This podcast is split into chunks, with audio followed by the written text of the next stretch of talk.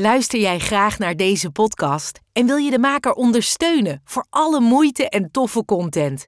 Geef dan, als je wat kan missen, een digitale fooi. Dat doe je via fooiepot met een zonder abonnement of het achterlaten van privégegevens. Dus fooiepot met een. Er zijn eh, professionele muzikanten en, en mijn dochter was er ook bij. En haar nieuwe vriend, zeg maar. En, en Hans in dit geval, die ging zitten en die ging gelijk zitten. Ja, hoe zit het nou met jullie? eh, gebruiken jullie nou veel drugs? Want jullie zijn muzikanten. Dus dat, ja, dus dat. eh, Ja, nou ja, wat, wat niet veel mensen weten, dat ga ik nu toch delen zonder naam en toenaam, dat ik zelf ook naaste ben van iemand verslaafd. Dus ik ben in herstel van mijn eigen verslaving, maar ik weet wel hoe het is om een familielid te hebben waar je veel van houdt, die ook een verslaving heeft. Mm, Wat, wat deze jongen in ieder geval altijd zei: van ja, ja, nee, maar het, eh, want hij verkocht het altijd van ja, ik heb, ik heb de roes nodig. Ja, ja ik dat heb nodig. Want, Ja, want anders is het leven niet leuk. ja. Dus dacht ik, dus ja, wat, wat heb je ervoor in de plaats? Ja, niks in zijn geval. Ja. Want de, de roes maakt het leven leuk. Dat, dat, Ja. Een familielid die verslaafd is, dat is iets waar je niet over praat, toch? Want het is moeilijk, je schaamt je, er heerst een taboe op en we kunnen het er allemaal beter niet over hebben. Echter, mijn volgende gast gaat dat nou juist wel doen in deze aflevering. En we gaan het erover hebben hoe het voor hem was dat zijn broer verslaafd was aan alcohol. Lieve mensen, welkom bij een nieuwe aflevering van de podcast van Verslaving naar Vrijheid. Mijn naam is René van Kolm. Fijn dat je kijkt en luistert naar deze podcast. In deze aflevering gaan we het hebben over hoe het is als je familielid, in dit geval je broer, een verslaving heeft en hoe dat je hele leven beïnvloedt. Want daarover praten, dat delen met andere mensen, dat is eigenlijk iets wat je toch niet zo snel doet. Dat gaan we nou precies vandaag wel doen. En dat gaan we doen met mijn gast. En mijn gast is ook mijn vriend Dennis Kiefiet. Hij is zanger, hij is muzikant, hij is een goede vriend. We kennen elkaar al jaren. Wat eigenlijk wel bijzonder is, Dennis, om maar gelijk met de deur in huis te vallen. Maar over dit onderwerp hebben we het eigenlijk heel weinig gehad. We hebben het over zoveel dingen gehad. En net voordat we begonnen, zei jij tegen mij van... dit is eigenlijk de eerste keer dat ik erover ga hebben met iemand. Ja, dat klopt. Het is natuurlijk ook, er zit, ja, mijn broer is nu al een jaar of tien dood. Ja, Dus er komt steeds meer ruimte op. Maar dat heeft ook met familie te maken. Ik weet nog toen mijn broer eh, overleed. Dat mijn broer die zat altijd in de kroeg. En die had heel veel kroegvrienden, zeg maar. Maar mijn zuster die had zoiets ja, bij de begrafenis... ik wil die vrienden er eigenlijk niet bij hebben. nee. Dus dan, dat begint, dan heb je al zo'n soort iets. Dus ik heb die mensen wel allemaal een beetje gezien. Na afloop bij mij thuis. Want ik had ook zoiets, ja, die, moet, die willen ook afscheid nemen. En die konden dan niet bij hem komen. Ja, Dus die kwamen dan bij mij. eh. Maar, dat is dus, maar, maar doordat er wat meer ruimte en tijd zit. Nou ja, jij, jij, jij begon erover. Toen dacht ik, nou, ik kan er wel wat over vertellen. Want ik, het, be- het beïnvloedt wel je hele leven wat dat betreft. Ja, dat begrijp ik. En dat is eigenlijk altijd. Zoals iemand een verslaving heeft in het gezin. Er is nooit één iemand die een probleem heeft, maar iedereen merkt er wat van en heeft eigenlijk een probleem. En daar noemen ze de familieziekte. Absoluut. En, maar tien jaar geleden is hij overleden. Is hij echt overleden volgens jou aan de gevolgen van zijn verslaving? Eh, ja, dat, het was letterlijk op 4 mei. En eh, de buurvrouw, tenminste ik, kort verhaal lang. Ik was Ja. om 4 mei, ik, had een nieuw koffiezetapparaat gekocht. Dus ik klopte om 4 mei om 10 uur aan. En ik zei van, eh, of beneden belde ik aan, hij woont op 6 uur. Hij zei, nee, het komt nu niet uit, kom van de week maar terug. Afijn, dus ik hoorde niks meer van hem. En toen op de dinsdag daarna was er blijkbaar een vriendin die aan de overkant woonde. Die zei van, hé, hey, normaal als ik bij hem langs ga, dan doet hij wel open. Ja. Nou ja, in principe de hele keuken stond vol met flessen Pinot Grigio. Die waren allemaal eh, op en hij heeft zich letterlijk doodgezopen Ja, op dus- die eh, zaterdagavond. Ja. ja. Heftig, heftig. Maar ja, zo gaat het wel vaak. Hè. Als je niet in, zoals het heet, herstel komt van een verslaving, dan ga je er waarschijnlijk aan. En zo is het. ja. Ja. Ja, en sommige mensen kunnen nog heel lang volhouden. Maar als we nou teruggaan naar het begin. Eh, het is een oudere broer of een jongere broer? Ja, hij is, eh, hij is elf jaar ouder. ja, elf jaar Mijn ouder. grote broer. Dus toen ik een jaar of zes was, was hij 17 en toen begon het, zeg maar. Hij zat op de middelbare school, de, de eindexamen, Mhm. kwamen de feestjes en hij wou piloot worden of hij was al bezig daarmee. Dus hij ging, eh, dus op school dronk hij wel biertjes. Maar toen ging hij naar de vliegclub in, eh, op Schiphol. En daar kreeg hij, eh, dan mocht hij met die kleine vliegtuigjes mocht hij heen en weer vliegen. En dan leerde hij al die, eh, die wat oudere KLM-vliegers kennen. En die dronken, of eigenlijk die zopen allemaal. En die rookten allemaal. Ja. Die waren allemaal een beetje In gepensioneerd. die tijd, ja. ja, Dat. Dus dat hoorde erbij. Dus toen is hij ook gaan roken en drinken. Eigenlijk En- wel ook weer bizar als je erover nadenkt. Het besturen van een vliegtuig is nou niet dat je zegt een klein dingetje met grote verantwoordelijkheid. dat zou je zeggen, ja. Ja, Ja. maar veel drinken, dat was daar gewoon. Nou ja, in ieder geval na afloop of, of bij deze Ja, groep. Maar ik, ik heb ook een goede vriend, die is nu ook een gepensioneerde piloot, maar die, die drinkt. Ja, die drinkt wijn. Maar die is geen alcoholist, om het maar zo te zeggen. Ja, dus die drinkt wel eens wat, maar niet als hij vliegt. Want dan, Ja. Ik ben ook wel eens met hem meegevlogen in de cockpit. En dan was hij heel streng naar mensen toe. Er wordt echt niet gedronken op de vlucht. En terecht. Dus goed, niet dat we nu allemaal denken dat alle piloten eh, eh, aan de drank zitten. Maar goed, hij kwam in een clubje waar, eh, daar kreeg je dus les. En, Ja. en nou ja, goed, had er aanleg voor kennelijk. Ja, blijkbaar.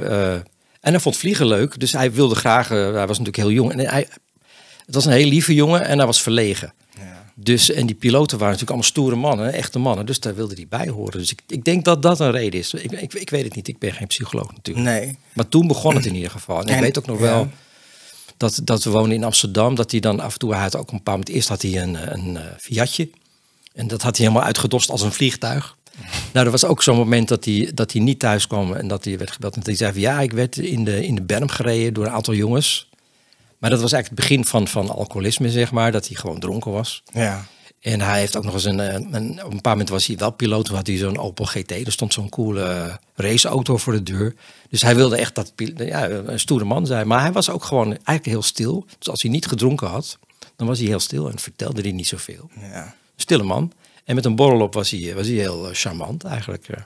Ja, maar dit is een heel bekend verhaal. Hè? Mensen die eh, verslaafd zijn, en is natuurlijk niet alleen verslaafd, maar eh, vaak toch niet goed in je vel zitten, onzeker zijn, eh, moeilijk in contact. En je gooit er wat in, alcohol of drugs, en het gaat opeens een stuk makkelijker.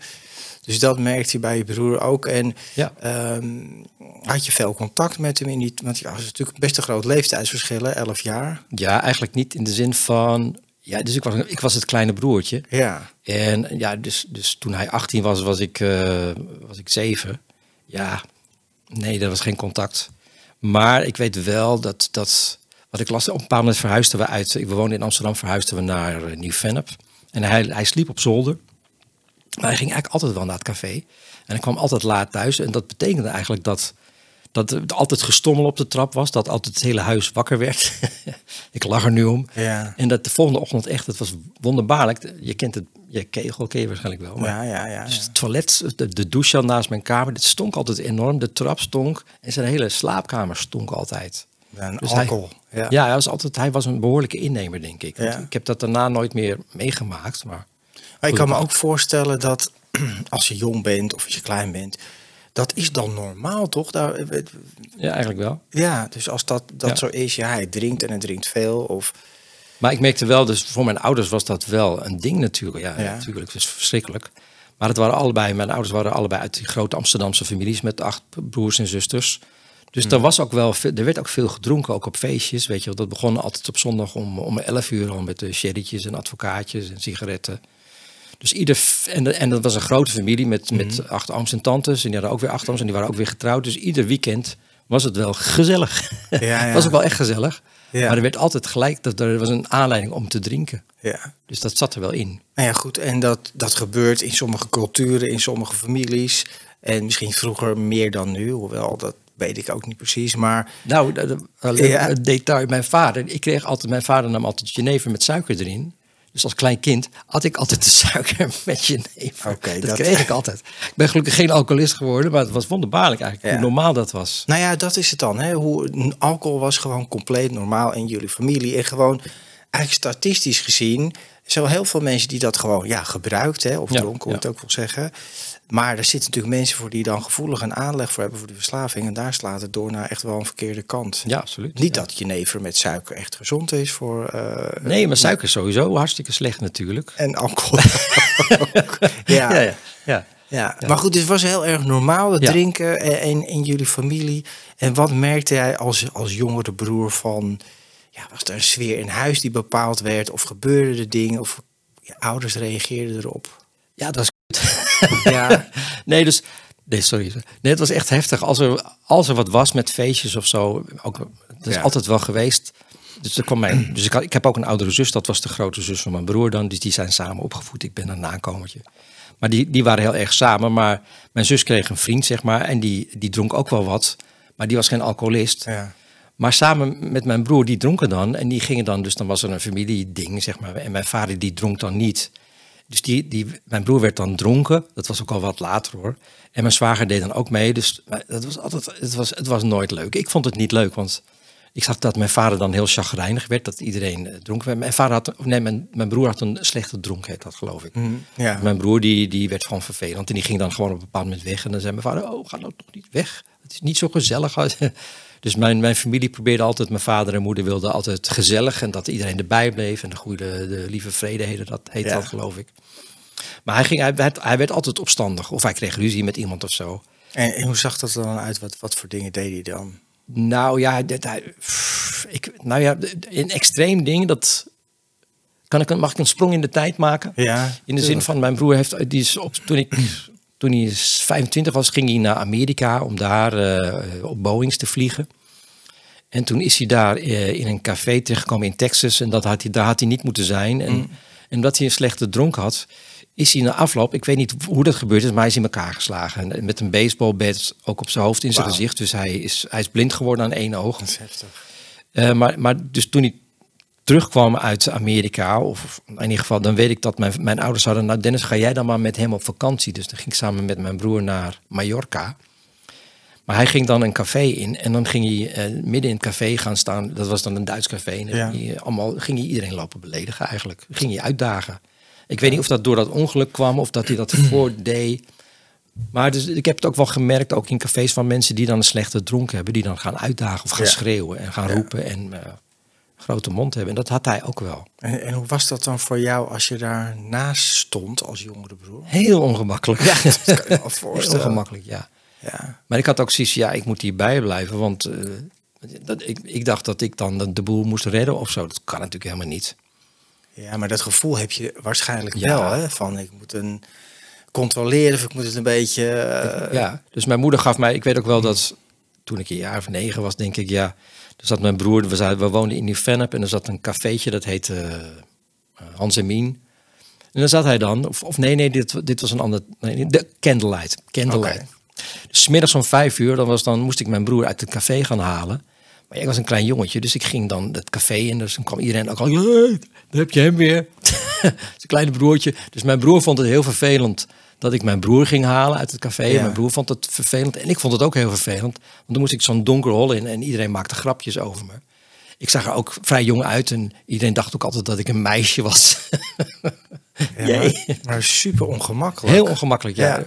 Maar die, dus dat was ook die moeder die iedere keer maar deed alsof er niks aan de hand was. Dus die ga jij je broer maar halen. En eh, maar die broer die wilde nooit mee. En ik had zoiets, ja, hoe moet ik mijn broer meekrijgen uit het café? Het is eigenlijk ook wel bizar dat jij, ik bedoel, met alle respect voor je ouders, maar Mhm. mm. jij op pad ge- eh, gestuurd om jouw oudere broer die aan alcohol zit eruit te halen eigenlijk. Ja. Dus heb ik ook op mijn hele leven geprobeerd. Is niet gelukt. Nee, maar dat lukt bij niemand. Nee, Nee, nee. nee, je kan Nee. iemand anders niet uit zijn verslaving hè, of uit zijn gedrag krijgen. Je kan wel zeggen tot hier en niet verder. Maar Ja. goed, dat is, dat is een ander stukje. Ja. Maar zijn droom, en wat je vertelde van piloot, hij wilde dat worden. Hij staat, die was natuurlijk in één keer voorbij. Absoluut. Nadat, eh, als je blind wordt, dan vlieg je een stuk, denk ik, min, ja, minder niet nou, meer. Tragisch. Ja, tuurlijk. Dus, dus, dus ik weet ook niet. Dus ik, ik weet niet of alcohol de aanleiding is geweest. Want ja, dat wordt dan eigenlijk niet benoemd. Ook in zo'n familieding. Nee. Maar ik weet wel, nou ja, lang verhaal kort is dat. dat- Mijn, ik was 15, ik, sprak, ik had Engels op de middelbare school, zeg maar. En mijn ouders hadden, waren, die hadden allebei lagere school. Ja. Dus ik ging mee als de tolk. En het eerste wat, eh, wat de arts zei, het was in Fort Worth in Texas, Ja. die zei van, hij had, hij had wat bloed in zijn alcohol. Ja, ja, Een, ver- een verspreking, maar dat, dat gaf ook wel wat aan natuurlijk. ja. Dus het was een beetje lacherig. Maar, de- dus, maar wa- wat ik veel heftiger vond, letterlijk, en dat is natuurlijk de, de, de, de onwetendheid, dat, wat ik me kan herinneren, dat, we dat ik 15 was en dat, er- dat er werd gebeld midden in de nacht. En dat mijn moeder de telefoon opnam en dat ze begon te huilen, of eigenlijk begon te gillen aan de telefoon. Want ze kreeg te horen dat, dat, dat Wilfred dood was. Gewoon het feit van, dus er had iemand had iets gezien en die had gebeld van ja, je zoon is dood. Dat was Ja. een Nederlander die daar ook was, die daar ook studeerde, zeg maar. De dag daarna werden we gebeld dat, dat, dat hij nog leeft en dat hij in het ziekenhuis lag. Maar dat hij zwaar, eh, dat het maar net op het randje was toen. Dramatisch. Dus dat zijn wel van die dramatische dingen ook in, in het leven van een gezin. Als Ja. iemand al, eh, alcoholverslaafd is. Ja, steeds die dreiging eigenlijk en, en natuurlijk dingen die gebeuren. En dan gebeurt er weer dit en dan gebeurt er weer dat. En werd daar, en je zegt van er werd eigenlijk niet over gesproken bij ons thuis. Nou, het werd de, de, de mantel der liefde. Hij werd, weet je, er werd voor hem gekookt. En altijd maar zorgen dat, hij, dat het goed met hem was. En, en eh, dat tot eigenlijk tot zijn dood of heeft mijn zuster dat ook gedaan, weet je wel. Ja. Altijd maar eh, aardig zijn. En natuurlijk blijven we aardig.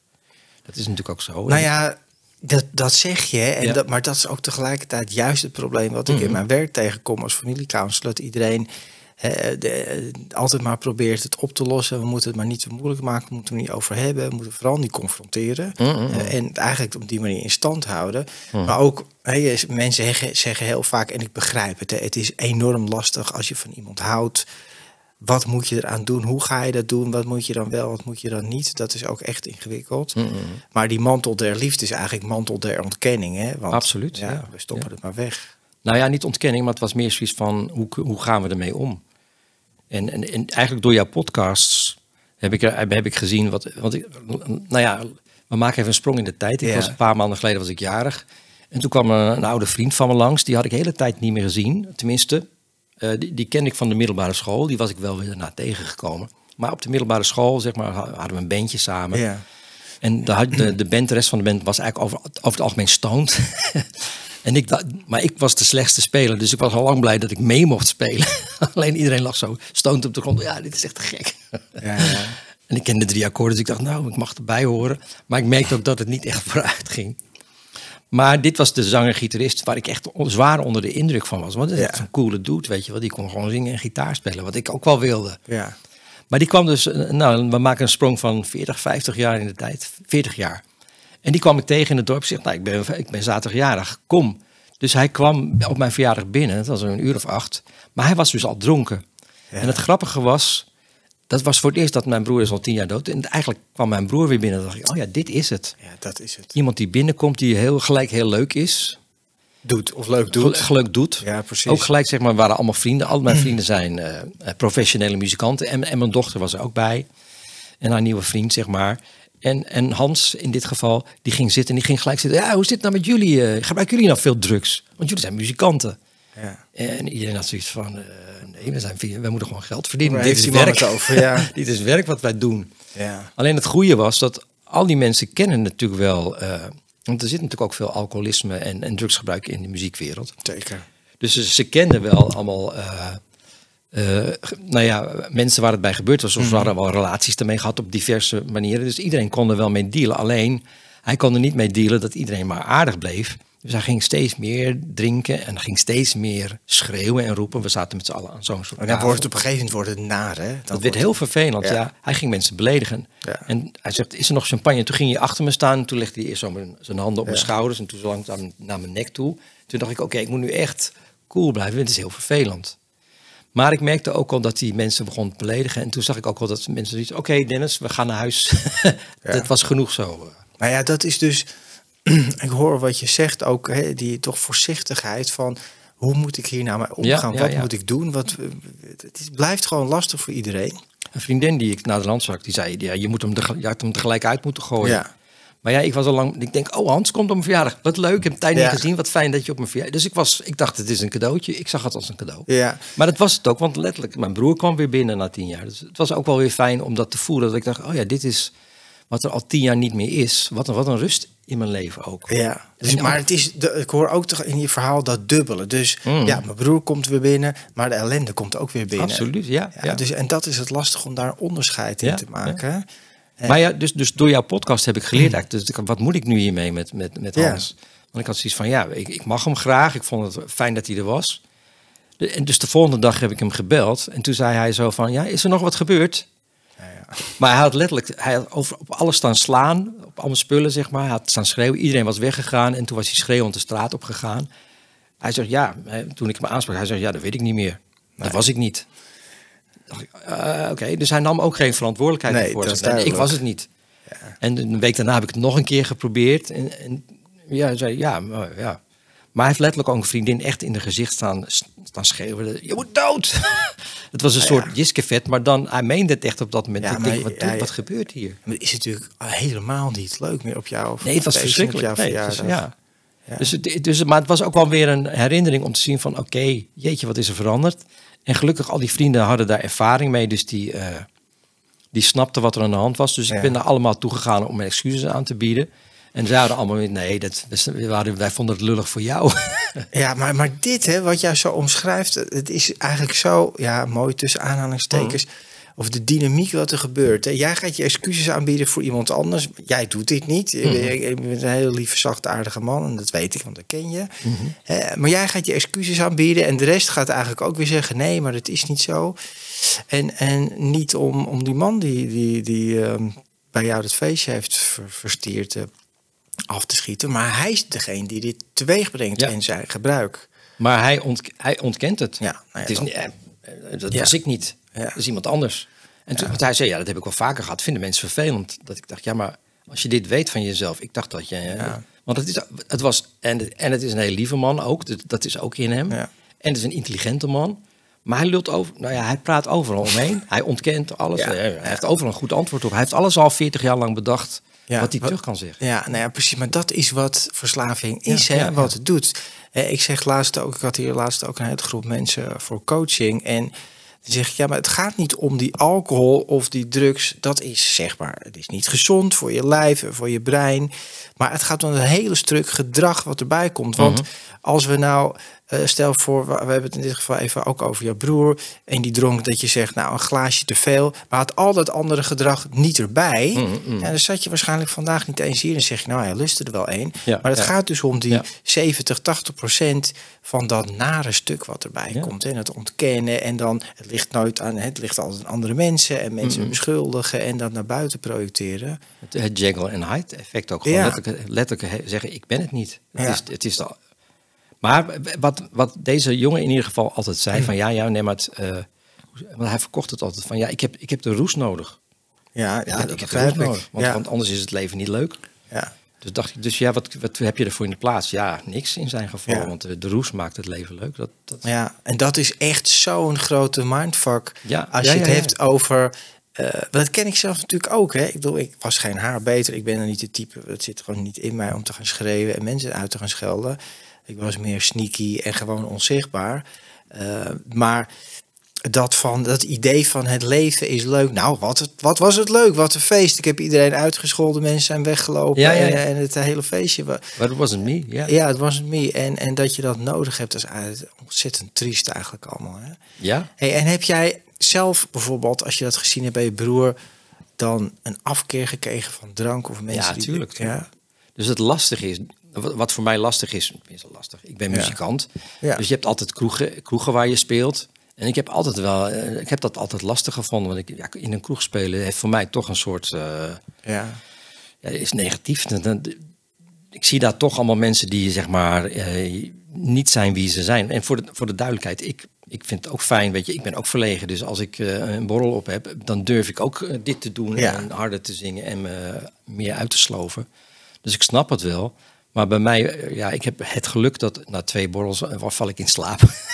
ja. Dus, en, maar ik, en ik word er heel blij, zeg maar. Ik, eh, ik loop alleen maar te giechelen. Ja. Vind hem- dat vond men, ik heb een dochter van 30, maar die vond het vroeger wel, als ik dan wat op had. En ik liep Ja. te giechelen, zei ze, pap, doe normaal. ja, ja, goed, maar dan heb je het over twee drankjes. Ja, ja, dus dat. Dat, dat komt bij mij wel goed binnen. Maar, dus, dus, maar ja, nee, nog even terug op die Hans. Wat, wat, wat ik heel van jouw podcast heel fijn Ja. vond. Dus jij zei ook letterlijk van oké, dus je moet tegen zo iemand zeggen van hé hey, jongen, ik hou wel van jou, maar ik hou niet van dit gedrag, ik hou niet van je verslaving. Dus dat heb ik letterlijk ook tegen hem gezegd en ook Ja. tegen zijn vrouw eigenlijk. Maar ja, we, hebben- we hebben geen contact meer. En dat vind ik toch wel heel jammer. Want, Ja, En ik merk ook met zijn vrouw. Dus ik, ik voel me ook een beetje. Het raar is, ik voel me ook bedrogen. Want hij had al die smoezen ook van. Ja, maar ik moet dit doen, want in mijn relatie is het beter. Want zij- heeft bepaald gedrag en daarom drink ik. oh ja, dat is ook een goeie. Dus ik dacht, ja, ik, ik ben een vriend van jou en wij zijn allebei muzikanten. Dus ja, ik sta aan jouw kant. En na, af, na afloop dat hij dat mijn feestje had versteerd, dacht ik, ja, ik schaam me diep Hmm. dat ik aan jouw kant stond. Want ja, ik dacht dat je, ja, Ja. Hans, dat doe, dat doe jij toch niet? Je bent een intelligente jongen. Ja. Dus dat is het rare van, van, van alcohol. En eigenlijk door, door wat jij zei, van dan moet je gewoon ook afscheid nemen. Dat heb ik gedaan. Maar dat vind ik ook lastig. Ja, nou ja, Ja. Het, het afscheid nemen is een groot woord, maar wel een grens stellen. Ja, het is natuurlijk, als je het omdraait, ook weer te gek dat jij excuses moet aanbieden aan alle gasten, terwijl jij dat niet veroorzaakt hebt. hè. waar. Ja, dat is waar. Dus die grens van eh, ik hou wel van jou eh, en jij bent welkom, maar je verslaving en gedrag niet. Dat is eigenlijk een liefdevolle grens. Absoluut. Alleen als iemand dan besluit, en dat gebeurt natuurlijk heel vaak van zoek het uit en dan, eh, dan heb je geen contact meer. Nee. Ja. Maar ja, het is of dat, of nog meer feestjes eh, verstieren, zeg maar. Dus Nou ja. hij had ook een deal met zijn vrouw van oké, dus eh, we gaan niet meer naar feestjes toe. Zeker niet als je gedronken hebt. Dus Ja. de deal die zij hebben is dat hij in het weekend eh, is zij er niet. En dan mag hij doen wat hij wil. Ja. Of één keer in de twee weken. Ja, en zo gaat het maar door. Ja. Ja. Nou goed, en dat is ook aan hun en dat is ook een proces. En daar is- kan je kan er wel wat van vinden. Maar het is allemaal ingewikkeld genoeg. Maar goed, Mm. Als er geen erkenning is en iemand ziet het probleem niet, ja, dan zeg, zeg ik altijd, ja, dan ben je klaar. Dan kan je niks mee, Klopt. behalve zelf grenzen stellen. Hé, maar het is toch wel gek, eh, Dennis, dat je hier dan eigenlijk nooit over gesproken wordt. Over je broer, hoe lang is die in je leven geweest met een alcoholverslaving? Eh, ik ben nu eh, 49 jaar eigenlijk. 49 jaar. Maar eigenlijk nog steeds. Dus dan zou die 59 jaar in mijn leven zijn. Nou, oh nee, toch niet 49 nog steeds. Ja. nee, 59 jaar, ja. Nee, ja, maar goed, dat, dat Het- is... maar, dat is, maar het is ook mijn grote broer. Het, gra- het grappige is, ik heb zijn fietstas en ik heb zijn zonnebril. Dus als ik ergens langs fiets en ik zie, in, kijk Ja. in de spiegel, dan zie ik mijn broer. Want we leken natuurlijk ook op elkaar. Dat is natuurlijk een heel knap jongen. Sorry. En dat mag. Ja. Nee, dus, ja, dat, maar, dat Ja. Was, maar ja, dat was hij niet meer. Want ik weet ook toen hij dat ongeluk had gehad... of dat hij in Ja. elkaar was geslagen... dat letterlijk, zijn hij, was, ver- hij was verminkt. Ja. Dus die periode dat ik dan met mijn ouders... dat mijn ouders vonden dat ik met hem naar het buitenland moest... zag ik ook wel hoe, hoe meisjes op, of vrouwen op hem reageerden. Dan Ja. dacht ik, jezus, het is ook wel heftig dat je eerst zeg maar, die mooie jongen bent... Ja. en vervolgens hebben mensen... Die, ik zag ze letterlijk terugdeinzen, want Ja. zag er nogal in het begin Ja, dat uit. begrijp ik. Nou ja, zo is sowieso, ook al was dat niet gebeurd. Ja. eh, En verslaving is gewoon mega destructief. Dus in zijn geval heeft het letterlijk zijn, zijn hele leven eh Ja, kapot gemaakt. Ja. Ja. Ja, en dat kan lang of kort duren, maar dat is wel wat het doet. En daarna heeft hij nog eigenlijk heel lang op, op zoals je dat noemt, verloren tijd geleefd. Ja. Want toen is hij, bleef hij alleen nog maar drinken, werd hij afgekeurd. En kon hij niet meer vliegen. En dat enige wat hij deed was naar het café gaan eigenlijk en thuis drinken. ja. En had je dan contact nog met hem steeds? En... Nou ja, ik, ik, ja, dat is goed dat je vraagt. Ik, ik probeerde wel, maar dat was eigenlijk altijd... Ik moest vooral er niet over beginnen, want ik was dan degene die dan zoiets... die er wel Ja. af en toe over wou begonnen, maar dan werd hij boos. Dan werd ik thuis uitgezet. Over drinken of over ja, absoluut, van ja. ja, ja. Maar op een bepaald moment eh, is, is mijn vader overleden. Was op een, ergens op een vrijdagochtend, 15 jaar geleden Ja. of zo. En toen had mijn moeder, die was dement, maar die had wel zo'n knop. En de eerste knop was mijn broer, die had ze ingedrukt. En het was een uur of zeven, maar hij was de avond ervoor was hij, nou ja, was hij dronken geworden. Dus hij had niet opgenomen. Dus op dat moment is hij niet naar mijn moeder en mijn vader toegegaan. Is mijn vader overleden. En ik denk dat hij dat, dat hij dat persoonlijk heeft genomen. En daarna is hij gewoon drie jaar nuchter geweest. Heeft hij niet meer gedronken. Mhm. En ging hij iedere dag naar mijn moeder om eh, met haar een sigaretje te roken. Dus dat was echt ontzettend. Dat was een soort klap die hij nou ja, goed nodig Absoluut, had. ja. ja. Om eruit te stappen. Maar Ja. ik weet nog toen, eh, wij, wij zaten samen bij Tijn Tower bij de, de Ja. mannen, de wise guys. Ja, ja. En toen heb ik het wel met jou over gehad. En toen zei jij ook nog van. En ook een aantal van die andere wise guys die zeiden: ja, neem op het moment dat jouw moeder overlijdt, Ja. is, gaat hij weer aan de drank. Ja. Nou, dat was niet aan de hand, maar op een bepaald moment werd er, kreeg hij, eh, werd er eh, prostaatkanker geconstateerd. En toen eigenlijk ging het gewoon weer aan. ja. En toen begon hij weer. eh, Nou ja, goed, en dus zo werkt het ook. Hè. Dus er zijn meer mensen die stoppen door een gebeurtenis. Of Ja. een arts die zegt van... hé, hey, als je zo doorgaat, dan heb je nog maar zo lang. Of wat dan ook. ja, ja. Maar dat is nog geen herstel van je verslaving. Nee, dus dat, dat is alleen maar... je drukt een soort stop- of pauzeknop in. Hè, maar dan gebeurt er iets... En dan, ja, dan val je weer terug. Hè. Dus daar, da- dat wordt zwaar onderschat. Mensen, en dat dacht ik zelf vroeger ook. Als ik gewoon stop met gebruiken, dan is het probleem over. Maar dat was eigenlijk niet het probleem. Het probleem was, ik wist niet hoe ik een normaal leven moest leiden. En Ja, gewoon ja. moet gaan met emoties en dingen en alles. En praten, dat hoor je in jouw verhaal ook zo Oh, van je broer. Ja. Het praten over je gevoelens. Wat voel ik jezelf? Openen, delen, kwetsbaar zijn. En, eh, en, en dat zie je, hè, want dat zeg je dat... dat onzekere of verlegene met je broer. Nou, dat ken ik ook Ja. enorm, weet je. En drugs en alcohol, al die dingen maskeren dat enorm. Mhm. Maar dus herstel is leren praten. Ik weet nog even een anekdote over die daar ook absoluut op inhaakt. Dat de eerste keer dat ik in de kliniek zat. En echt een serieuze kliniek. Geen detox, maar echt een opname van zoveel weken. Ik was doodsbang. Dus elke groepsessie zat ik daarvan. Hoe gaat het met jou? Ja, nee, gaat hartstikke goed. en op een gegeven ze na twee weken... Ja, wat kom je eigenlijk doen hier? Met jou gaat het altijd goed. En ik, de, ik was gewoon totaal niet gewend om Mm, over mijn gevoel te Ja. praten, te delen. Ja, ik ben toen helemaal op een gegeven moment later die dag gebroken. Maar, Ja. maar dat, ja, praten en gevoelens delen. Da- daarom zijn die meetings, zoals de AA, Ja, ja, ja. wat ze daar doen, is delen, praten met elkaar, juist over de moeilijke dingen. Maar ik, de- ik denk dat mijn broer daarom ook in het café zat. Nou, ook na het ongeluk. Ja, daar wordt ook gesproken. Ja, daar, kan ja, voor- daar wordt, na- wordt door de barman geluisterd, om het maar zo te Ja. zeggen. Maar in therapie, dat vond hij allemaal maar niks. Had zoiets van, ja. Nee. Nou ja, letterlijk, ja, ik, nou ja. Misschien heeft, ik weet nog wel dat, dat ik was, een, ik was natuurlijk een klein, nou ja, een klein jongetje, Ja. was 15 jaar. Maar hij lag echt letterlijk te schreeuwen in bed. Had alleen maar nachtmerries. Ah, verschrikkelijk. Dus dat was zo heftig. Maar hij kon er niet bij komen om, dus alleen de alcohol verdoofde Nou ja, dat, zijn pijn. Dat is precies wat maar het ja, is. maar dat kwam dan toch weer s'nachts uh, terug. Ja. Maar het tragisch is het. Het is eigenlijk zo verdrietig, weet je, Mm. allemaal. En ik ben zelf als counselor best hard voor mensen die een verslaving hebben. Maar de andere kant is natuurlijk dat het enorm verdrietig is Mm. en, en tragisch eigenlijk. En, nou, maar je ouders daarover praten of met z'n allen of, of zeggen van... hé, hey, nou is het afgelopen, nou ga je gedragen of we gaan hulp zoeken. Dat is, is dat nooit gebeurd? Nou ja, ik moet zeggen, dus praten was in onze familie sowieso een ding. Ja, dus eigenlijk niet een ding. Nee, nee, nee, Nee. nee. nee. Dus ik zeg altijd, ik heb eigenlijk nog nooit met mijn vader gesproken. En zeker aan het eind van zijn leven zei hij altijd, ga maar naar je moeder. Oh, ja. Zo'n soort vader, hoe lief hij ook was. En alles voor, me, voor je deed, weet je wel. Dat was hartstikke... De, de, de, hij bakte pannenkoeken voor de hele straat. Ja. En voor kinderen was hij lief, maar een, ge- een gesprek, Praten. Dat, dat, dat was er niet. eh, tenminste, niet in mijn tijd misschien. Dat, ik was natuurlijk... Ik was een jaar of toen, 15 en toen was hij natuurlijk al 55. Dus hij was al wat ouder.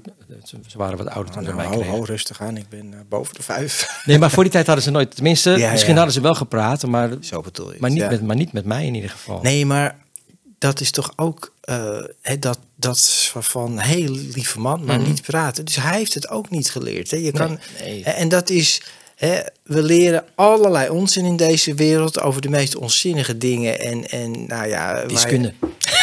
wiskunde best handig. Nee, maar je leert op school ook zeg maar heel veel dingen, behalve hoe je moet leven Ja. en hoe je moet praten en gevoelens. Klopt, Dat leer je eigenlijk allemaal niet. En Ja. als je uit een gezin komt, wat, wat jij zegt, hoor ik zo ontzettend veel. Ik hoor het eerder meer wel dan niet. Ja. Maar als je thuis niet leert praten en delen en gevoelens mogen er zijn, omdat het heel. Ik heb dat zelf ook niet gehad. Nou ja, ik heb het wel gehad toen mijn broer dus eh, die drie jaar niet dronk. Ja. Dat ik echt... Ik ben wel eens op een zaterdagmiddag zeg maar drie uur bij hem geweest. En de eerste twee uur was hij alleen maar boos. Was er boosheid in hem. Ja, En pas het laatste uur zeg maar werd hij verdrietig. En zei hij van ja, ja maar ik heb ook niks. ja maar dat is. En dat is natuurlijk dus je dekt eigenlijk de, de leegte toe die je denkt dat er is. Ja. Door de alcohol en door zijn alcoholisme is die leegte er ook weer. Dus dat was dat zo'n dubbel op ding waardoor je er niet uitkomt. Of hij kwam er niet uit. Nee, maar, maar dat, precies zo is het. Hè. Dus, dus er is leegte wat je verdooft met alcohol of Ja. andere dingen. En, maar daardoor wordt die leegte steeds groter. En ja, je weet, het is een, het is een gat wat je blijft graven. En wordt de, het gat wordt steeds groter. Nou, nou, ehm, nou heb ik ook weer een, andere maat, zeg maar. Die Ja. kwam tegen. Dat was na de, de dood van mijn broer. Dat was eh, Ron. En Ron was eh, een, heel, zeg maar de rijkste, een van de rijkste mannen die ik ken. Ja, hebben we wel eens over gehad. Ja, Ja, maar die had dus ook een, versla een alcoholverslaving. Alleen die kon het schijnbaar verbloemen. Omdat hij gewoon, ja... eh, ja dus, nou ja, nee, hij, kon het niet verbloemen. Ja, hij kon, nou ja. Nee, maar dat was wel heftig. Maar het grappige was, ik, ik ontmoette hem en ik proefde gelijk... Het was gelijk, mijn broer was daar. Ja. En het rare was ik, was, ik werd ook gelijk naar hem toegetrokken... en ik wou hem ook gelijk helpen. Oh ja. dat ik dacht, nou ja, als ik maar in zijn buurt blijf... want ik snap bij mijn broer, misschien kan ik het nu wel fixen. Dat wil je dan, weet je wel. ja. Maar ik weet ook wel, dus hij had allemaal, er kwamen allemaal bekende mensen bij hem over de Hij was succesvol, hij was bekend. Ja, ja. Dus iedereen kwam ook bij hem en iedereen had ook geld van hem nodig. ja, ja. Dus, dus en iedereen kwam langs en dan ging hij weer naar Zuid-Afrika om af te kicken. En dan, dan kwam ik hem weer tegen en dan zei hij van, ja, ja, ja, Zuid-Afrika is hartstikke goed. En dan pakte hij zo weer zijn rum cola om, eh, om tien uur s ochtends. eh. Ja, dus het had niet geholpen. Nee. Maar hij zei ook altijd, maar hij zei ook altijd, ja, nee, maar als er wat met mij is, dan ik ken, ik ken de beste hartchirurgen en die Ja. komen dan, die komen dan hier naartoe. Ja, ja, en dan? Maar dat waren met dus wat ik merk, dus en al die mensen die zijn al, voor- tenminste, er zijn er drie die ik heb meegemaakt, waarvan de twee zich dood hebben gedronken dan. Ja, heftig. Die allemaal wisten ze het beter en stonden ze boven mij. En eh, hadden ze zoiets van, ja, je bent een klein mannetje, met, met alcohol snap ik het beter. En jij snapt het niet, want jij denkt niet. Ja. En dat vind ik, vind ik ook een lastige, want dat is ook, ik ben muzikant. Ik Ja. heb ook nooit drugs gebruikt, dus ik denk altijd maar van, ja, nee, de Beatles, die, die, ik ben fan van de Beatles, maar ik heb nooit dat gebruikt. Dus, dus ik schrijf nog steeds die... ik wil ook nog zo'n goed liedje schrijven. Nou, kan je één ding vertellen, Dennis. Ik heb wel heel veel gebruikt van drugs ga je geen betere muzikant worden of liedjes schrijven. Dat is Dat is natuurlijk waar, echt ja, ja, ja. onzin. Maar, maar dat, dat stukje wat je net vertelt, dat is zo herken, hoe zeg je dat? herkenbaar en significant aan mensen met de verslaving. Hè, Ja, ja, ja, dat, dat- dat, dat, stukje, we, zei het net zo mooi, hè, jij begrijpt het niet. En eh, dat ontkennen wat mensen zelf doen. En dat is het bijzondere met die ontkenning, dat je het zelf gewoon ook niet doorhebt. En mensen zijn overtuigd van hun eigen waarheid tussen aanhalingstekens, die gewoon constant niet werkt en toch blijft erin geloven. En, en, en heel veel mensen ervaren een kliniek als een, nou ja, als een soort oplapstation. Ik ga naar, weet ik veel, Zuid-Afrika, maakt niet uit waar je naartoe gaat, ergens in Nederland. Je bent daar een maand afgekikt of eh, weer nuchter, wat dan ook. Nou, top. En, het, nou, en dan kan ik er weer tegenaan. Ik moet eerlijk zeggen, dat komt mij bekend voor. Ik Nou ben, ja, ja. ja, ik ben zelf ook tig keer in een detox geweest. Gewoon een ontgiftingsunit, zeg maar. Nou, zat ik dan tien dagen. En dacht ik, nou, mooi. En na twee dagen stond ik weer mijn dealer. Totaal niet veranderd. Want ik, ik zag toevallig vorige week was er een programma en dat heet eh, en- en zo'n acteur die gaat op zaterdagavond die gaat naar Amerika. Ja. En dan was hij was in, bij de Azteken geweest en dan had hij eh, plantmedicijn gebruikt. Maar hij zei ook van ja, dit is fantastisch. Ik, zie, ik zag het verbinding met liefde en met mijn familie. Dit is, ik snap wel dat ze dat hier iedere maand doen. Dat zou ik ook wel willen. Ja. En dan ben, aan de ene kant ben ik dan nieuwsgierig. Denk ik, mis ik iets in mijn leven? Zie ik iets niet wat hij wel ziet? Ja. Of is het een verslaving? Nou, ja, ayahuasca is ook zoiets. Wat, Ja. wat, wat, is jouw, wat kan jij daar iets over vertellen? Nou, dat is toevallig iets wat ik niet gebruikt heb en ook Oh. niet ga gebruiken. Oké. Nou ja, ik vind het wel mooi dat je dat vraagt. En er zijn, kijk, verslaving is dat zaken problematisch worden. Hè. De definitie van verslaving is eigenlijk controleverlies. Dus dat je veel meer, als je eenmaal begint, dat je niet meer kan stoppen. Met alle negatieve consequenties van, van dien. Dus zoals je net hebt benoemd, dat je familie, je gezin, je financiën, je werk, alles leidt eronder. Het is allemaal eigenlijk bad shit wat er gebeurt. En toch ga je ermee door. En dan eh, punt drie is het ontkennen ervan, nou enzovoort. Hè. Dus, en zo blijf je in het cirkel, wordt het steeds erger en destructiever. Maar dat soort dingen als mensen, eh, planten, medicijnen of ayahuasca ceremonies. Ik zelf ben er geen voorstander van, omdat ik, ik geloof, hè, ik ben altijd met, heel veel met spiritualiteit en meditatie bezig. Maar al dat soort dingen zijn, dat is natuurlijk heel persoonlijke, tijdelijke ervaringen. Hè, en die je misschien iets moois kunnen laten zien. Maar er zijn ook heel veel mensen die in, in een halve psychose terechtkomen en allerlei Ja, ja, ja. donkere shit zien. Dus dat kan ook. Oké, er is geen garantie. Ik raad het je sowieso, ik raad het niemand aan. Maar ja. iedereen zijn eigen ervaring. Er zijn ook mensen die zeggen, ja, het heeft me heel veel gebracht. Maar als je een verslaving hebt, als je gevoelig bent voor alcohol en drugs, doe dat soort dingen dan niet. Ga het dan zoeken. Uiteindelijk, wat ik geleerd heb en hoe ik erin sta, je moet het hier en nu gewoon in je helderheid. Daar moet je de verbinding zien te vinden. En daar moet je het leren. En dat is een hele uitdaging. Dan ben ik wel nieuwsgierig aan, want jij bent zeg maar, jij bent een van die andere mannen die heel lief, lief is, maar die er dus uit is gekomen. Ja. Maar wat, wat, wat, was er dan, zeg maar, waardoor je, want, wat, nou ja, als we dan, dus ik hoor heel veel. Jij wordt nu de interviewer. Ja, Ja, ja, nee, maar ik ken heel veel van die eh, eh, spirituele vrouwen, zeg maar, Ja. die zeggen, ja, maar door ayahuasca voel ik me echt verbonden met liefde en zo. Dus, Ja. dus dan denk ik, wat, wat mis ik soms iets? Of is er een andere manier van voelen? Of, of, is, het, of is dat gewoon dat stofje wat... Want jij hebt wel eens tripjes gedaan of zo. En ik, ik heb nog nooit... get- Ja, Oké, nou, ik heb één keer spacecake gegeten. en toen moest ik zo lachen dat ik de volgende dag een optreden had dat ik niet meer kon zingen. Dus toen dacht ik, dit moet ik niet meer doen. Nee. nee, nou ja, ik, ik ben niet zo van de echte trip. Ik gebruik de echte hele verd- verdovende middelen. Oké, ja. Maar weet je, nogmaals, Iedereen moet, heeft zijn eigen ervaring. Iedereen heeft, er zijn mensen, ik heb eens mensen gezegd, ja, dat was geweldig. En ik heb kleuren gezien, ik heb God Ja, ja, gezien, dat- ik heb alles gezien.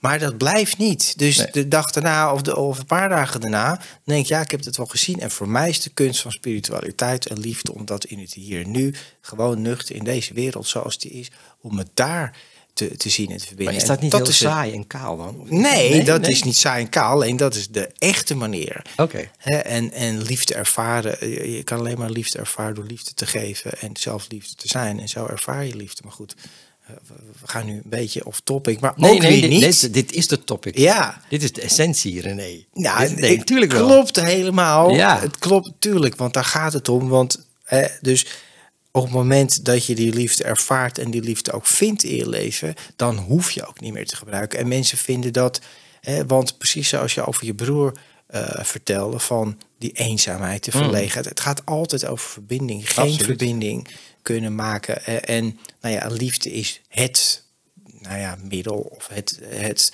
ja, moet je het zeggen? Toverwoord. Doel. Liefde is het toverwoord, zoals Margarethe altijd al. zegt. Hè, om verbinding te maken, Ja. maar op allerlei manieren. Of dat nou met je, eh, ja, ik zeg maar, het klinkt belachelijk. Of dat met je konijn is, met je hond of met de, met buren. Ja, ja. Ja, maar daar gaat het wel om. het, ja, het- en met je vrienden en familie, Tuurlijk. door die liefde te geven, ervaar je hem zelf. Ja. Maar Mooi. eh, ja, drugs en alcohol en al die dingen ga je er absoluut niet bij helpen. Want, Maar, dus wat, ik, Ja. dus wat, ik, wat ik mooi vind aan wat je zegt, dus door het te geven, krijg je terug.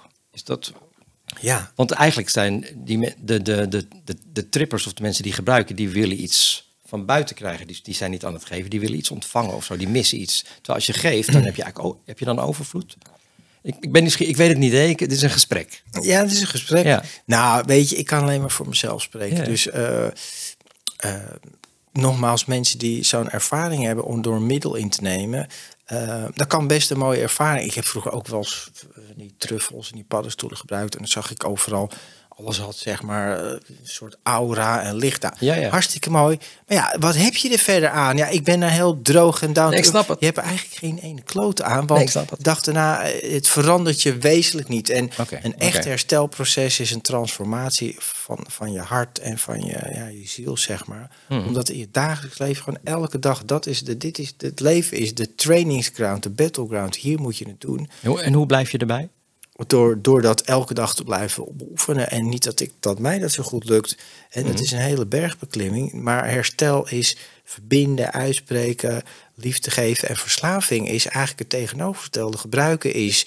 Het ligt allemaal aan andere mensen. Iedereen is gek behalve ik. Ja, ja, ja. Ik wil niet voelen, ik wil niet praten, ik wil niet delen, ik wil geen verantwoording nemen. En nou ja, spirituele, of spiritualiteit of herstel zoals ik het zie, is precies die an, de tegengestelde route.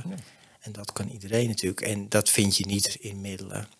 Nee, Maar- maar, dat, nee, maar dat is wel Ja. waar. Dus nee, maar je, je hebt het over hartkracht nu. Ja. Ik, ik bedoel niet te verkopen, maar ik bedoel, want je moet, er moet iets. Dus, dus Ja, natuurlijk. wat had ik mijn broer kunnen geven, zodat hij. Dat, ik had niks kunnen geven, maar dat is wat hij miste eigenlijk. Nou ja, maar dat, dat is een stukje. Hè, eh, zoveel minuten terug zei je. Ik zei, je had het over de mantel de liefde. Toen zei ik de mantel van ontkenning. Toen Ja, zei je, het was eigenlijk meer, we weten niet wat we moeten doen. Nou, dat is nou precies wat het is. Er zijn in Nederland meer, het zijn, dat is echt laag ingeschat, 2 miljoen mensen met de verslaving. En voor de naasten, dus de familieleden, die daar een belangrijke rol. Precies wat je, ja, wat moet je doen? Nou Ja. ja, dat is dus mijn werk om mensen daarmee te begeleiden. Maar ik heb nog eh, een paar collega's zijn op één hand te tellen. Mhm. Ja, dus daar, en er wordt verder nauwelijks aandacht aan gegeven, zeg maar niet.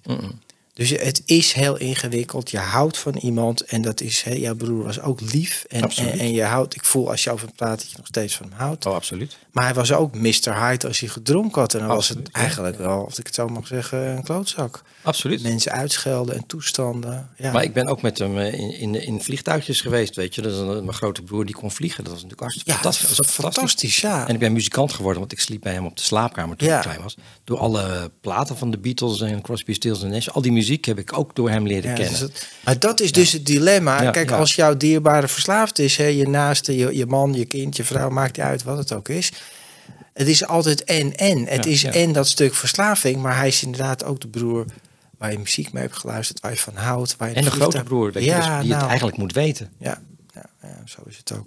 Maar dus dat, ja, dus dat... eh, Ja, nou ja, wat, wat niet veel mensen weten, dat ga ik nu toch delen zonder naam en toenaam, dat ik zelf ook naaste ben van iemand van een verslaafde. Dus ik ben in herstel van mijn eigen verslaving. Maar ik weet wel hoe het is om een familielid te hebben waar je veel van houdt, die ook een verslaving heeft.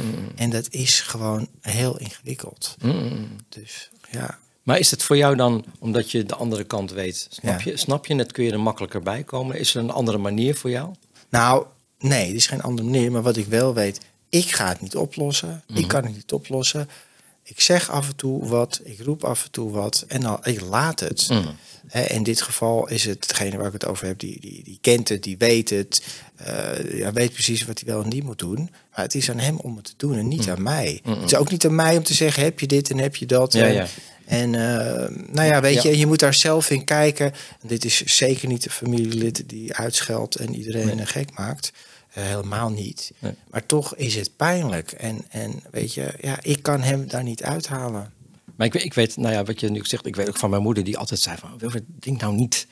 Of Ja. en mijn vader ook. En dan en mijn zus en mijn zwager die ook zeiden van, doe dat nou niet. Doe het nou En dan niet, ging je juist harder duwen, weet je wel. Ja. Dus ik had ook zien, nou, dat, dat is niet behulpzaam. Maar Nee. wat, wat is dan wel behulpzaam? Ja. Dus, dus ja, ja. Nou ja, wel, maar de- je moet daarin begeleid worden. Om dat alleen te doen is gewoon veel te ingewikkeld. En wat jij ook zei van die, ik, eh, ik, ik heb een andere drumvriend, eh Ruud, eh, Ja. Die, Ja, die dronk heel veel. Ja. En die heeft op een bepaald moment heeft hij besloten van oké, ik merk als ik te veel drink, dan ben ik niet meer hier. En ik moet ook voor mijn vrouw gedeeltelijk zorgen. Dus ik moet ermee stoppen. En die is, het is hem gelukt. Ja. Zeg maar vanuit een soort, nou ja, ook vanuit een soort kracht. Ja. En dat hij dacht maar, da- daarom, ik, zeg, ik, noem voor, ik noem het voor de gra- grap hartkracht. Omdat hij dacht, Ja. zijn hart ligt bij zijn vrouw. Ja, Daar mooi. moet ik voor. Dus ik moet voor haar zorgen, dat is mijn verantwoordelijkheid. En het is hem dus gelukt, want hij drinkt nog steeds niet. Dus het, het is, maar, de, maar de omgeving is dus help, is helpend voor hem. Dus hij heeft vrienden die hem, eh, die hem bijstaan. Nou ja, zo is het ook. Hij is niet eenzaam. Dus als je eenzaam bent, is het natuurlijk veel Is moeilijker. moeilijker. Er zijn veel meer mensen in Nederland die natuurlijk gewoon eenzaam Ja. Leven. Die, Nou ja, of hè, en dat kan zijn omdat de, de omgeving niet verbindt of niet praat. Mm. Of omdat je de omgeving zo zuur hebt gemaakt dat ze niet meer met jou willen Ja, praten en verbinden. Dat, Ja, kan, ja, dat gebeurt ook vaak. Maar het, het, het, het blijft gewoon hele ingewikkelde materie en probeer het niet alleen op te lossen, weet je wel. Maar wat je inderdaad wel kan doen, is liefdevol aanwezig zijn, maar wel duidelijk zeggen van, hé, maar dit en dit vind ik niet oké. Wat ik eerder zei, dat is dat, dat korte samenvatting. Ik hou van jou en Hmm. jij bent, betekent veel voor mij, maar je verslaving, gedrag, dat kan niet. En Mhm. wat ga je eraan doen? En zelf Want wat het altijd ding is, is dat iemand met een verslaving bepaalt. Bepaalt de sfeer, bepaalt de regels, bepaalt de Oh, absoluut. dingen. Absoluut. Nou, en dat begin je om te draaien. Van nee, als je bij mij bent, dan gaan we het zo doen. Hmm. ik ga met jou alleen maar afspreken als je niet drinkt. Als je wel drinkt, nou, dan zie ik je de volgende keer wel. Hmm. Dus je moet zelf die... Goed, dat is nu wat laat. Maar je moet Ja, zelf de regie Ja, terug ja, gaan nemen. En niet de, degene met de verslaving laten bepalen. Mooi. Dat is een goeie. Ja. Maar goed, Ja. Ja. Zegt hij nu. Ja, ja, Ja, ja. maar het is heel gek. Ik ken je echt al jaren. Ja. We hebben het er wel eens over gehad, maar toch nooit zo helder. Maar naar aanleiding van deze podcast Ja, zijn we er maar eens echt over begonnen. leuk. Leuk om Dus, je... eh, heb, jij nog, hè, heb jij nog een boodschap om af te sluiten aan mensen die luisteren en zeggen... Hey, ik herken dat wel, mijn broer of mijn zus of mijn vader of mijn moeder... Hmm. hebben eigenlijk precies ditzelfde probleem. Wat zou jij tegen hun zeggen?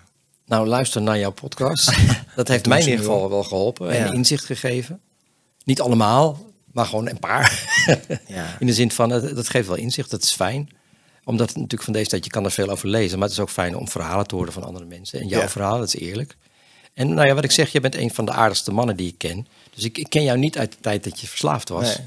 Maar ik ken wel mannen die verslaafd zijn en die ook aardig zijn, maar die dus niet, die dus niet daar aanspreekbaar op zijn. Dus, dus jij hebt wel, eh, nou jij, jij hebt wel om hulp gevraagd uiteindelijk. Of, of Margarethe, jouw vrouw, heeft jou. Ze hebben grenzen gesteld en gewoon... geholpen. Ja. dus, je ze- moet, ja, dus je moet wel iemand hebben die, die ook echt er voor jou is en je wil helpen. Maar er zijn natuurlijk genoeg mensen die eenzaam zijn. En hoe ga je dat dan doen? Dan moet je toch echt om hulp gaan vragen. En dat, Ja. dat is het engste wat er bestaat, vind ik in ieder Ja. geval. Ja, dat vra- van ik het lukt me niet, ik weet Nee. het niet, ik kan het niet. Ja, ja. Of, of, of ik heb een probleem. Ja. dat, sowieso. ja. Dus, Maar- ja, dus de, de- de- ik ben fan van de Beatles en John Lennon zei een van zijn beste liedjes is Help.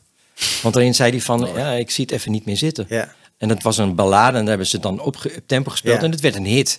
Hij zegt, maar het is wel mijn eerlijkste tekst. Help, I, I need somebody, help, not just anybody. Ik heb iemand nodig. Ja. Wie helpt me? Dus dat was eigenlijk een hele een mooie oproep. En dat hebben we eigenlijk allemaal nodig soms in zo'n moeilijke situatie. Nou had hij gewoon die drie vrienden. Maar ook nog een hele wereld die van iets van hem wilde. Zeker weten. Dus hij is toen gaan mediteren. Ja. ja, mooi. mooi. Ik vind dit een heel mooi om af te sluiten. Help, I need somebody. En hulp vragen Ja. is al voor mensen heel ingewikkeld. Hè? Dan Ja. moet je een soort over iets heen stappen. Ik weet het niet, ik kan het niet. Maar er is niks zo menselijk en zo belangrijk eigenlijk als hulp te vragen. En dan moet je dus ook ontkennen dat er wat is. Ja, erkennen. Dat wel. Ja, het feit dat, je- ik nu pas tien jaar met jou erover praat dat er wat Ja. met mijn broer was, of dat, dat dat invloed op mijn familie had. En mijn familie praat er überhaupt niet over. Dat is die, nog, nog steeds niet. Er was niks aan de hand. Ja. Ja. Ja, dat is wel triest. hey, Dennis, ik wil jou bedanken. Maar ik ga eerst nog even naar de mensen die kijken of luisteren. Als je dit verhaal herkent en erkent, deel dan deze video, like deze video, abonneer je op het kanaal als je dat nog niet hebt gedaan en deel het met anderen waarvan je denkt, nou, die moeten misschien ook maar eens hier naar gaan luisteren om dat bewustzijn op gang te krijgen. Want daarvoor doe ik het. En Dennis, eh, jij zegt ik ben een lieve man. Jij bent een van de liefste mensen die ik ken. En trouwens, als je Dennis een keer wil horen of zien, hij heeft een website, heet dezanger.nl. Je kan ook Dennis Kiefiet gewoon googlen. Je geeft huiskamerconcerten, je geeft eh, lichtconcerten, je geeft eh, meditatieconcerten. Hij kan- hij heeft geweldig mooie liedjes en dat meen ik echt. dus dankjewel. zoek hem een keer op en nodig deze man uit. Doe- Doe dan Zen met Den. Zen met Den, oh dat kan ook. Die die is leuker, want de zanger, dat, dat zie je alleen maar mijn datum. En Zen met Den, dan eh, weet je alles van. Oké, Zen met Den, Dennis hem op. Lieve mensen, dankjewel voor het kijken en het luisteren. Heel veel sterkte, kracht, licht en liefde. En neem deze boodschap mee en doe er wat mee. Tot de volgende aflevering. Dankjewel. Luister jij graag naar deze podcast en wil je de maker ondersteunen voor alle moeite en toffe content? Geef dan, als je wat kan missen, een digitale fooi. Dat doe je via fooiepot met een d.com zonder abonnement of het achterlaten van privégegevens. Dus fooiepot met een d.com.